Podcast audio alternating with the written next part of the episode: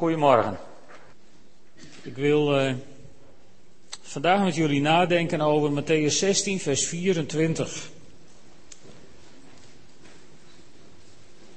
Toen zei Jezus tegen zijn leerlingen: Wie achter mij aan wil komen, moet zichzelf verloochenen, zijn kruis op zich nemen en mij volgen. Vandaar ook dat plaatje op het weekbericht. Misschien herkent u zich daarin.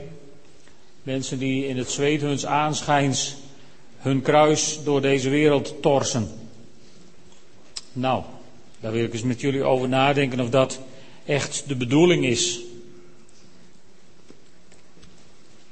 Jullie kennen het uh, verhaaltje misschien wel. Er liepen een muis en een olifant samen over de brug.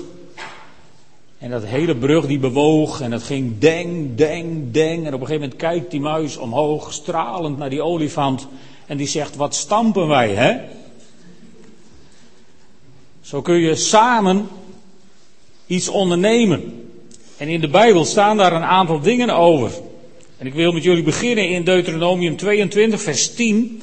Daar staat, u mag een rund en een ezel niet samen voor de ploeg spannen. Dus laat staan een muis en een olifant. Een rund en een ezel niet samen voor de ploeg spannen. Waarom zou dat nou niet mogen? Als je de commentaren erop na ziet, slaat, dan is er eigenlijk niemand die het precies weet. Er zijn een hele hoop opmerkingen over, maar het blijft voor iedereen, ja, het zou zo kunnen zijn, dat zou de reden, dat zou de reden kunnen zijn. Het, het, het schijnt zo te zijn dat het bij heidense volken in tijden van droogte en rampspoed uh, wel eens voorkwam dat men twee verschillende dieren voor de ploeg spande in de overtuiging dat er dan regen zou komen en dat het vruchtbaarder zou worden. Een beetje macrobiotisch of zo misschien wel, ik weet het niet. Nou, dan kun je je voorstellen dat God zegt dat is niet de bedoeling. Als je wat nodig hebt moet je bij mij zijn. Een andere is dat, dat sommige verklaringen zeggen, ja natuurlijk een, een, een rund en een ezel, dat staat qua kracht in geen enkele verhouding. Als je een beetje pech hebt, dan wordt die ezel die wordt verpletterd als het rund goed aanzet. Of je ziet ze ploegen het rund, sjouwt zich helemaal uh, een slag in de ronde en die ezel die hangt daar op apengapen bij aan in dat span. Dat gaat helemaal niet. Zoveel krachtverschil past gewoon niet bij elkaar. En een andere commentaarschrijver, en die vond ik op zich wel heel leuk, die zei moet je eens luisteren. Een rund is een rein dier en een ezel is een onrein dier en die mogen helemaal niet samen in één span. Nou, vond ik ook wel wat in zitten. Die vond ik ook lijken op wat staat in 2 Korinthe 6. Misschien kunnen jullie dat opslaan. 2 Korinthe 6, vers 14 tot 18. Dat eerste vers, dat heb je misschien nog wel eens gehoord. Maar hier wil ik even wat langer bij stilstaan. 2 Korinthe 6, vers 14 tot 18. Daar schrijft Paulus: Loop niet in één en hetzelfde span met ongelovigen. Wat is de verwantschap tussen gerechtigheid en wetteloosheid? Wat heeft licht met duisternis te maken? Waarin lijken Christus en Beliar op elkaar? Wat hebben een gelovige en een ongelovige gemeen? Wat heeft de tempel van God met afgoden te maken? Wij zelf zijn de tempel van de levende God, zoals God heeft gezegd, ik zal bij hen wonen en in hun midden verkeren, ik zal hun een God zijn en zij mijn volk. Daarom zegt de Heer, Ga weg bij de ongelovigen, zonder je van hen af en raak niets aan dat onrein is. Dan zal ik jullie aannemen en jullie vader zijn. En jullie, mijn zonen en dochters, zegt de Almachtige Heer. Prachtige versen zitten erin. En ik wil een paar vragen met jullie behandelen naar aanleiding van dit kleine tekstgedeelte. En de eerste vraag die ik ja, waar ik even bij stil wil staan, is wat wil God eigenlijk voor jou zijn? Weet je, we blijven in dit stuk zo makkelijk hangen bij dat allereerste stukje, hè? gij zult niet. Dat ligt ons als mens ook het beste. Hè? Overal waar staat gij zult niet, dan weten we waar we aan toe zijn. Dan hebben we elkaar wat te verbieden en dan, dat lukt dan nog wel. Maar wat wil God voor jou zijn? Wat hebben we in dit stukje gezien? Zullen we nog eens kijken? In vers 16. Ik zal hun God zijn. En in vers 18. Ik wil jullie vader zijn. Eigenlijk zie je in dit stukje iets van het hart van God. Het verlangen van God is om jouw God te zijn. Het verlangen van God is om jouw vader te zijn. In, in de heilige zin van het woord. Ik hoop dat je je aardse vaderbeeldje daarbij nu even niet te veel in de weg zit. Dat wil God voor jou zijn. Begrijpen we dat? Dat God onze God wil zijn. Niet, niet, niet in de zin van hemelhoog boven ons verheven en wij als wormen daar ergens op de aarde. Nee, God zegt, ik wil jullie God zijn. Ik wil degene zijn die gemeenschap met jou kan hebben. Ik wil degene zijn die voor je kan zorgen. Ik wil degene zijn die, die in alles voorziet wat jij nodig hebt. Ik wil jouw God zijn. Degene die ook jouw aanbidding krijgt. Ik wil jouw God zijn. En sterker nog, hé hey, luister eens, ik, ik wil jouw vader zijn. Al heeft je vader, je aardse vader het misschien wel goed gedaan of nog zo verprutst. Misschien leeft je aardse vader helemaal niet meer. Ik bedoel, hier zitten heel veel verschillende mensen met allemaal verschillende herinneringen aan hun aardse vader. Probeer dat even naast je neer te leggen. God zegt, ik wil je vader zijn. Ik wil degene zijn die er altijd voor je is. Die altijd voor je klaar staat. Die, die gewoon je wil geven wat je nodig hebt.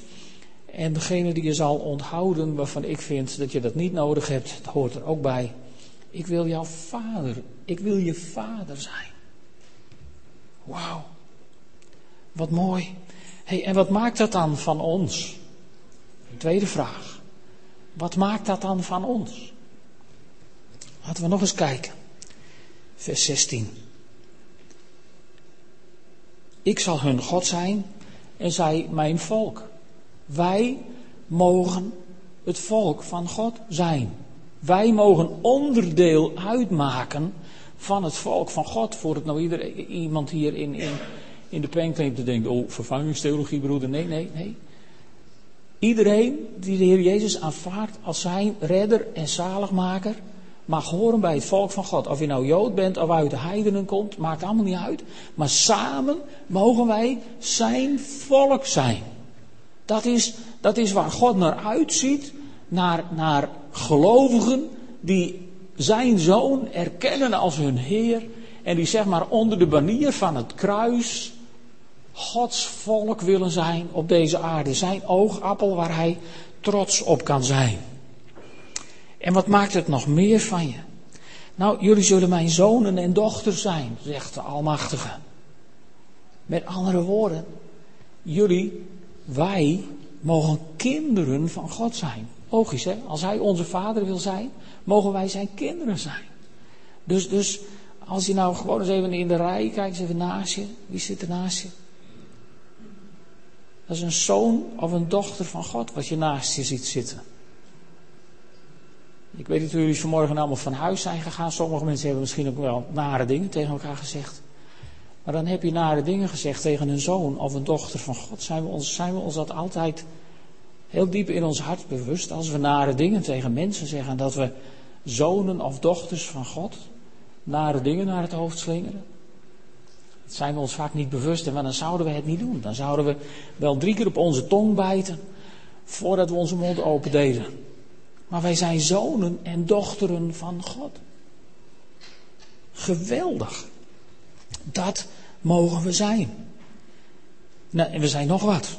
Want wat zijn we nog meer? In vers 16, wij zelf zijn de tempel van de levende God.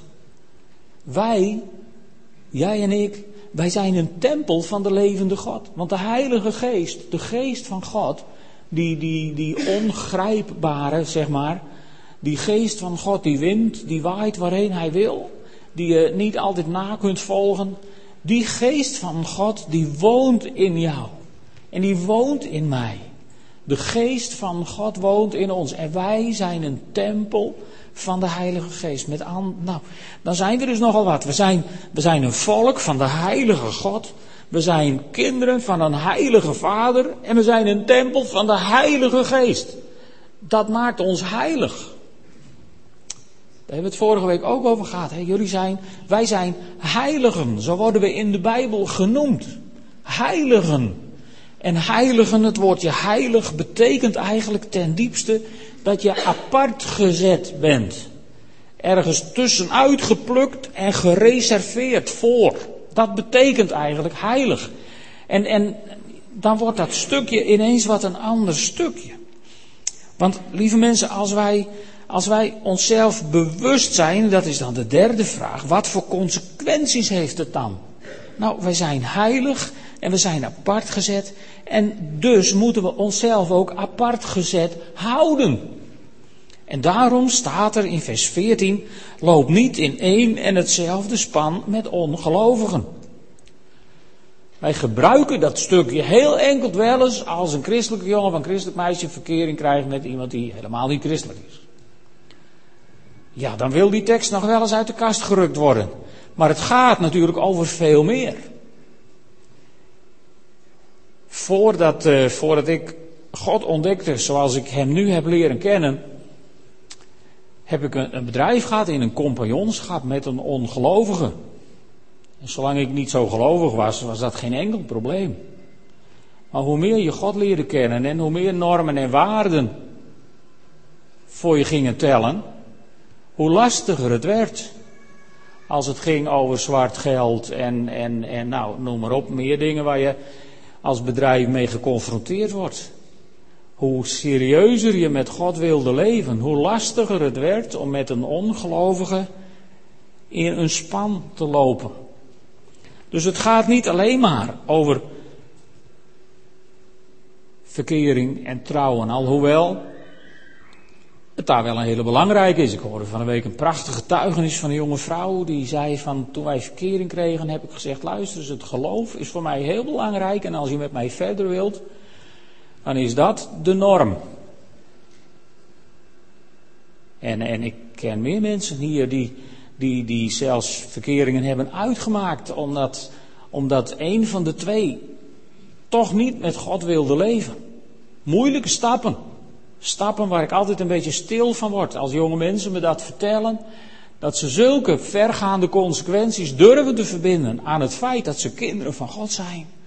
Dan denk ik, wauw. En wat ik zie in de levens van mensen is dat God dat nooit onbeantwoord laat. God zegent dat soort keuzes altijd. Want God vraagt van ons radicale keuzes. Wij zijn heilig. Apart gezet. En wij moeten onszelf apart gezet houden. Dus geen verbindingen aangaan met ongelovigen. Waar dat niet hoeft. En waar je er omheen kunt. Waar je er zelf keuzes in hebt. En in vers 17, daar staat ook, ga weg bij de ongelovigen zonder je van hen af en raak niets aan dat onrein is. Dan zal ik jullie aannemen. Dat is wat een lastig zinnetje, want, want, want de Heer Jezus heeft tegen ons gezegd, ga heen in de gehele wereld, predik het evangelie. En nou staat hier ineens, ga weg bij ongelovigen. Moet je ze dan van afstand het evangelie toeroepen? Hoe zou dat nou bedoeld zijn? Nou, Zoals het hier staat, zoals Paulus het hier bedoelt, grijpt hij terug op vers 14. Dat je dus geen overeenkomsten, geen banden aan moet gaan met ongelovigen. Maar aan de andere kant is het wel onze, onze opdracht, even om alle misverstanden te voorkomen. Onze opdracht is wel om uit te reiken naar ongelovigen. Want wat staat er ook alweer in Johannes 3, vers 16? Want God had de wereld zo lief dat hij zijn enige zoon heeft gegeven, opdat er ieder die in hem gelooft niet verloren gaat, maar eeuwig leven heeft. Dat is altijd een, een zinnetje, hè? Daar, moet je, daar moet je eens even goed naar kijken. God had de wereld zo lief. God had niet de gelovigen op aarde zo lief. Nee, God had de wereld zo lief. Hè? Zou je nooit denken, maar God had de grote boze buitenwereld zo lief dat hij zijn enige geboren zoon gegeven heeft, opdat iedereen die vervolgens de keuze maakt om in hem te geloven, niet verloren gaat, maar eeuwig leven heeft. Ik las eh, in, het Fries Dagblad een stukje over, eh, een predikant die een boek geschreven heeft over, over twijfelen aan je geloof. En er stonden best wel, wel dingetjes waarvan ik denk, oké, die, die, die, die rotsvaste zekerheden, die zijn er natuurlijk ook niet. Geloof is de zekerheid van de dingen die je niet ziet. Dus zo rotsvast. Ieder van ons zal af en toe wel eens, wel eens even zoekend zijn. Van heer, waar bent u nu? En heer, hoe zit het nu? En we, we hebben, ik, ik hoop dat we allemaal nog dingen hebben in ons denken die die we niet helemaal begrijpen. Maar altijd een beetje eng van gelovigen die het helemaal begrijpen. En ik, daar klopt iets niet. Alleen toen las ik één zinnetje van deze man, waarin hij iets schreef uit zijn geloofscrisis, dat hij schreef over, inderdaad over gelovigen en ongelovigen, en dan met name over de eindbestemming van die twee, waar we eigenlijk helemaal niet over gaan. In de visie staat er wat dat betreft nu een veel gebalanceerder artikel over. Ook naar aanleiding van een boek van wat er gebeurt met je kinderen als ze niet meer geloven. Ik denk een heel goede aanrader is als je kinderen hebt die niet geloven om je te laten troosten door, door zo'n boek, zo'n artikel. Maar even terug naar die andere meneer met zijn boek. Hij schreef op een gegeven moment, ik kon me niet langer voorstellen dat God niet van deze mensen hield. Zo stond het in het Fries Dagblad. En toen denk ik, kijk, kijk, het is een verkeerde vooronderstelling. Het is een verkeerde vooronderstelling. Want het is niet waar dat God niet houdt van de mensen die niet van Hem houden. Want God had de wereld, en eigenlijk zou je dat onderstrepen moeten in je Bijbel, God had de wereld zo lief dat Hij zijn enige geboren zoon daarvoor gegeven heeft. Het is niet zo dat God niet houdt van mensen die niks met Hem te maken willen hebben. God houdt van Osama Bin Laden, alleen Hij houdt niet van God. Dat is het probleem. Nu zijn we bij de wortel van waar het om gaat. En, en wat ik telkens zie en waar ik dan ongelooflijk geïrriteerd ook van word, eh, is, is, is dat God dan ineens de schuld krijgt van dat soort gedoe.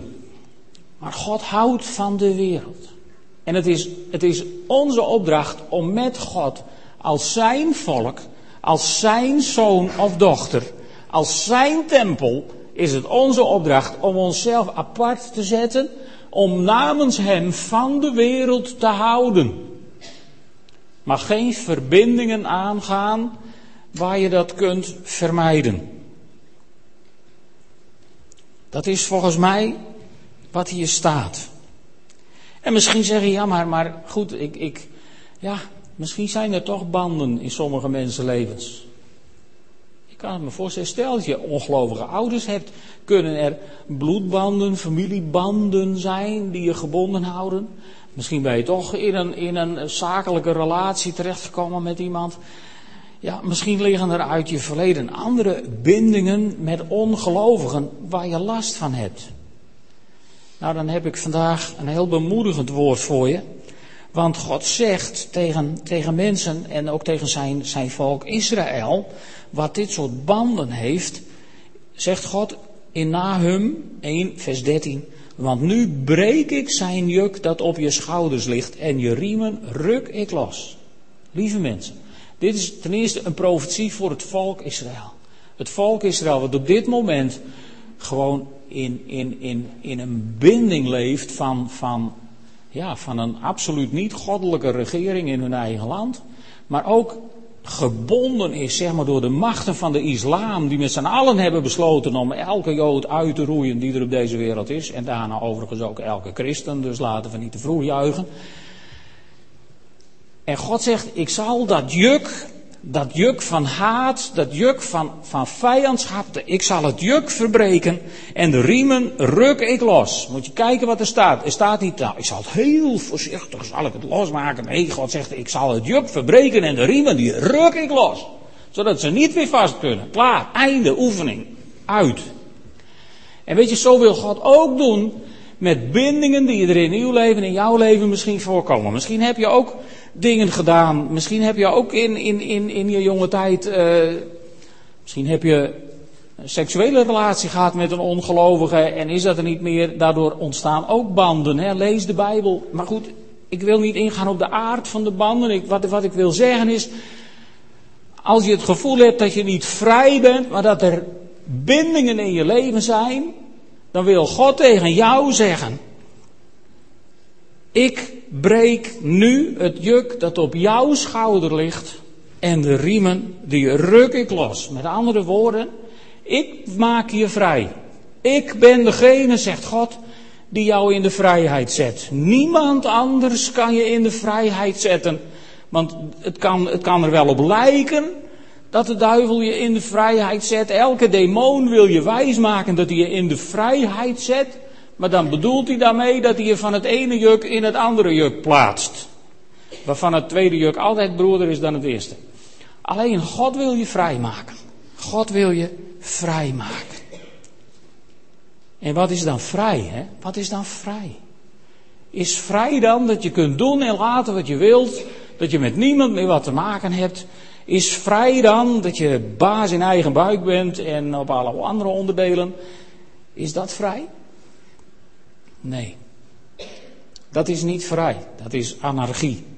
Vrij betekent dat je een keuze maakt om je onder iemands leiding te stellen, vrijwillig. Dan ben je vrij. En daar zegt God iets heel moois over. En dan gaan we naar Hosea. Hosea 11, vers 4. Daar zegt God, ook weer over het volk Israël, maar ook over, het is ook een beeld van hoe God met ons omgaat. Zacht leide ik hen bij de teugels. Dus dan zit je toch weer in een juk. Hè? Als je teugels, zit je toch weer ingespannen, zeg maar. Dus zacht leidde ik hen bij de teugels. Aan koorden van liefde trok ik hen mee. Ik verloste hen van het juk om hen te laten eten. Ik hield hun het voer zelfs nog voor. Dit geeft een beetje aan wat het betekent als God zegt: Ik wil je vader zijn. En jij mag mijn zoon of mijn dochter zijn. En weet je, als dat zo is, dan zegt God: Dan is dit hoe het werkt. Zacht leid ik je bij de teugels. Akkoorden van liefde trek ik je met me mee. Hoe werkt dat dan, die koorden van liefde? Maar het is heel lastig uit te leggen, tenzij je het beleefd hebt, tenzij je het ervaren hebt. Ik wil jullie een, een, klein stukje verhaal uit mijn eigen leven vertellen. Ik, ik heb een tijd gehad dat ik, uh, nou, dat het helemaal niet lekker liep, geestelijk ook niet, in de gemeente waar we zaten niet. Een tijd waarin ik, waarin ik in alle staten was. En financieel ging het ons ook niet zo goed. We waren in de bijstand inmiddels terechtgekomen. En toen dacht ik, weet je wat, ik ga weer solliciteren. Ik ga het zelf wel doen. Dat kun je soms wel hebben als kind van God. En uh, ik ben gaan solliciteren en ik werd uitgenodigd voor een sollicitatiegesprek voor een van de, nou, een droombaan, echt waar, in mijn oude vak zeg maar, van, van dakbedekkingen, een droombaan met... Uh, veel op reis zijn, over de hele wereld, overal. Uh, en, en, en niks commercieels, alleen maar lekker technisch bezig zijn. Mijn ding, een droombaan. En, en, en toen die mannen vroegen wat moet je verdienen, had ik daar zonder blikken of blozen een bedrag genoemd. Dat had ik nog nooit verdiend. En dat, dat was helemaal geen probleem. En, en toen ben ik weer naar huis gereisd. En toen dacht ik, helemaal om me heen kijkend in de omgeving waar we zouden, misschien wel zouden gaan wonen. Toen dacht ik, god, daar kun je mooi wonen en daar kun je mooi wonen. En het voordeel had ik in de auto al helemaal bedacht. Het voordeel is dan, dan laat ik die gemeente, die laat ik voor wat het is. En ik ga nooit weer naar een kerk. En ik ben van dat hele geneuzel verlost. En, en, en, en, en die banden van liefde ondertussen maar trekken aan je hart. Hè? Het gevoel van je fantaseert over van alles. En ondertussen voel je je van binnen eigenlijk helemaal niet eens blij. Niet. En, en toen kwam ik thuis en toen ging de telefoon. En dat was dat bedrijf van we willen graag een afspraak met je maken. Voor een afrondend gesprek. En toen hoorde ik mezelf in de verte zeggen: Nee, dank je, ik zie er vanaf. Ik weet niet of je kunt voorstellen hoe dat voelt van binnen, maar mijn vlees was weer helemaal in paniek: van help, wie gaat die grote vis? En van binnen, van binnen wist ik dat die banden van liefde, dat die gewoon werden aangehaald. Heel zachtjes. Heel zachtjes werden die aangehaald. En, en ik heb er tot de dag van vandaag toen nooit geen spijt van gehad. Dat is God. Dat zijn die banden van liefde die je, die je kunt ze niet zien, je kunt ze niet, ze doen ook niet pijn, net als teugels waar het hart aan wordt getrokken. Nee, het, het is wat anders. Het doet niet zeer, maar ik, ik, heb, ik heb God wel eens vergeleken, tenminste mijn carrière met God wel eens vergeleken is, met, met, met, ik heb mezelf, laat ik het zo zeggen, anders krijgt God weer de schuld. Hè? Ik, ik heb mezelf wel eens een ezel gevoeld, met een stok op je nek waar daarvoor een wortel aan hangt. En elke keer als hij een stap naar voren doet, gaat die wortel ook een stap naar voren. En een echte ezel loopt dan gewoon verder. Zo heb ik me vaak gevoeld bij God. Ik bedoel dat niet oneerbiedig hoor, maar zo werken die koorden van liefde ook een beetje. Van God lokt je elke keer een stapje verder. Daarom snap ik ook, ook, ook die profetie dat, dat God zegt, ik heb je naar de woestijn gelokt. En daar heb ik nieuwe deuren voor je geopend. Want God lokt je mee. En dat is ook zoals het hier staat. Zacht leidde ik hen bij de teugels. Maar God rukt niet aan die teugels om je vooruit te krijgen. God lokt je met zich mee heel zachtjes. En zo rol je als, je, als je bereid bent om hem te volgen, rol je langzaam maar zeker dieper het koninkrijk in. Telkens dieper en dieper. En het is, het is, het is gewoon een verslaving als het ware. Je wilt steeds een beetje meer. Nog een beetje dichter bij God. En als je dan wat geproefd hebt van zijn aanwezigheid, dan wil je maar één ding en dat is nog weer een beetje meer. Nog een beetje verder. Nog een beetje dichter naar God. Nog een beetje strakker die koorden van liefde aangehaald zien in je leven. Dat is zoals ik het beleef. Maar misschien zeg je, nou, ik heb geen flauw idee waar je het over hebt. Dan gaan we straks heel hard bidden dat dat gaat veranderen. Want het is het beste leven wat er op deze aarde mogelijk is. En weet je, Jezus nodigt je uit. Jezus nodigt je uit om, om, om, om, om dichter bij Hem te komen. Ik wil nu met jullie lezen uit Matthäus 11, heel bekend stukje, hoef je niet op te zoeken. Matthäus 11, vanaf vers 28, waar Jezus zegt, kom naar mij, jullie die vermoeid zijn en onder lasten gebukt gaan. Dan zal ik jullie rust geven. Neem mijn juk op je en leer van mij, want ik ben zachtmoedig en nederig van hart. Dan zullen jullie werkelijk rust vinden. Want mijn juk is zacht en mijn last is licht. Eigenlijk nodigt Jezus je hier uit om met hem in een ongelijk span te komen lopen. Als je dat plaatje op je weekbericht, als je het bij je hebt, moet je even gaan kijken naar dat plaatje eigenlijk. Je ziet daar iemand die zijn eigen kruis draagt. Zwetend, puffend, zuchtend. Want ja, ja, de Bijbel zegt toch dat je dagelijks je kruis op moet nemen en Jezus moet volgen. En dat is elke dag weer die bak ellende op je schouders en, en krom van ellende je kruis sjouwen achter Jezus aan. Hè? Want geloven mag vooral niet leuk zijn en er mag vooral niet gelachen worden in de kerk. Sorry. Het moet zwaar zijn, hè? zo lijkt het soms wel. En weet je, en dan zegt Jezus hier, joh, als jij, als jij dat kruis draagt, zoals op dit plaatje, als jij dat kruis draagt, hè, met het zweet op je hoofd en je rug krom, zou het misschien eventueel zo kunnen zijn? Zou je er eens over na willen denken? Of je misschien het verkeerde kruis met je meesjouwt? Want als je nou bij mij komt, als je vermoeid bent en onder zo'n last gebukt gaat, dan zal ik je rust geven. Neem op je en leer van mij, want ik ben zachtmoedig en nederig van hart. Mijn juk is zacht en mijn last is licht. Hoe moet je je dat dan voorstellen? Hoe moet je je dat nou voorstellen? Nou, ik wil jullie vandaag een suggestie aanreiken. Als je op dat plaatje, hè, als je dat kruis, nou eens niet zo sjouwt, maar als je je nou eens voorstelt dat dat kruis plat komt te liggen. Waar lijkt het dan op? Dan lijkt het volgens mij op zo'n disselboom waar je een tweespan voor kunt spannen. En zou het niet zo kunnen zijn dat Jezus hier bedoelt van beste jongen, best meisje, beste zoon of dochter van God, met andere woorden, beste broer of zus van mij, als oudste zoon van God.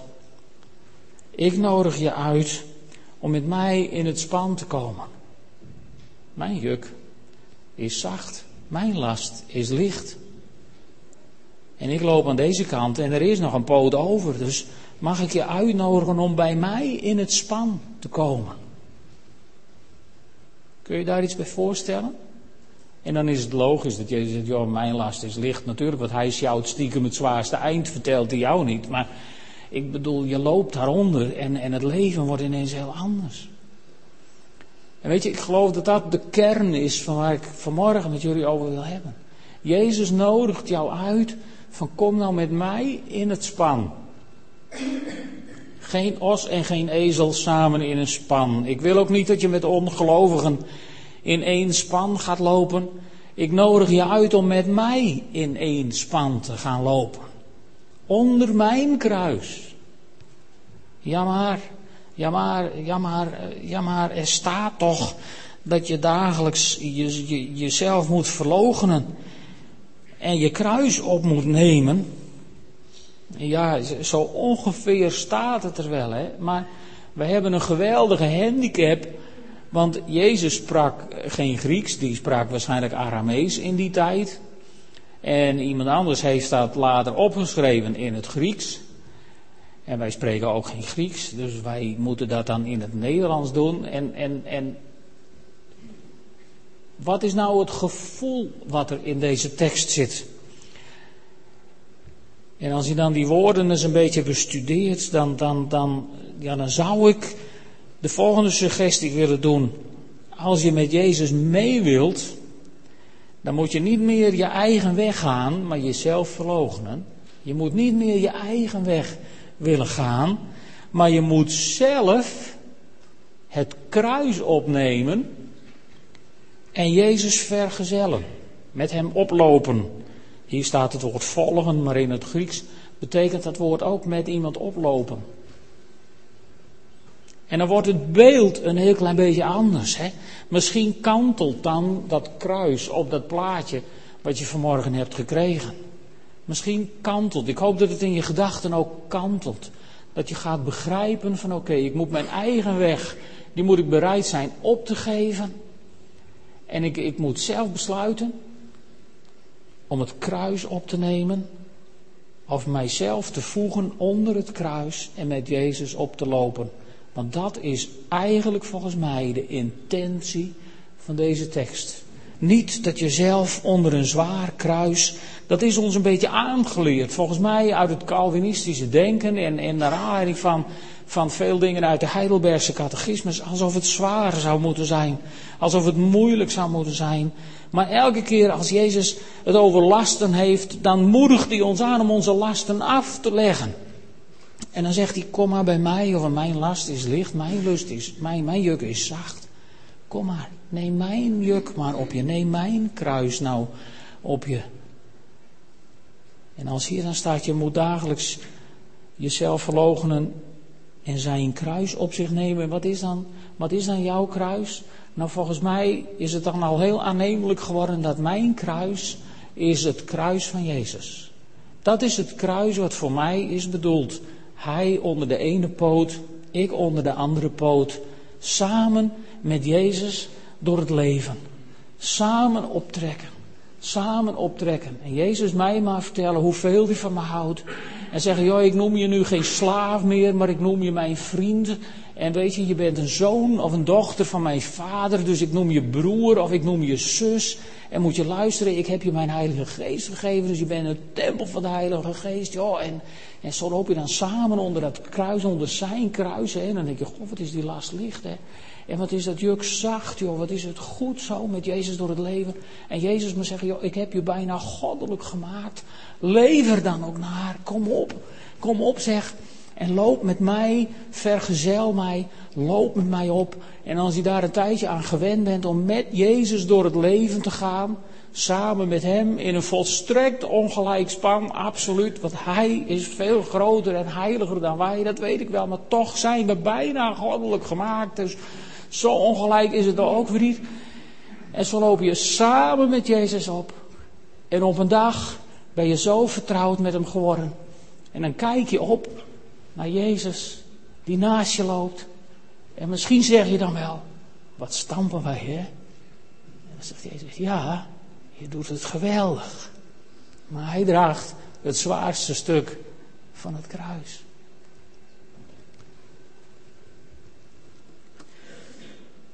Zou het kunnen zijn dat die tekst zo bedoeld is? Dat je zo met Jezus door het leven mag. Hij het zwaarste stuk. En jij het lichte eind. Misschien heb jij veel te lang het verkeerde kruis door dit leven gedragen. Misschien heb jij veel te lang aan het zwaarste eind gelopen, maar Jezus wil lopen. Misschien heb jij veel te lang een last getorst die niet jouw last is. En dan is vandaag weer die uitnodiging met het oude vertrouwde woord van God. Kom tot mij. Ik zal je rust geven. Mijn last is licht. Mijn juk is zacht. Verlogen jezelf. Wees niet langer eigenwijs. Zeur niet langer van ik het zelf doen. Nee, kom bij mij. Kom bij mij in het span.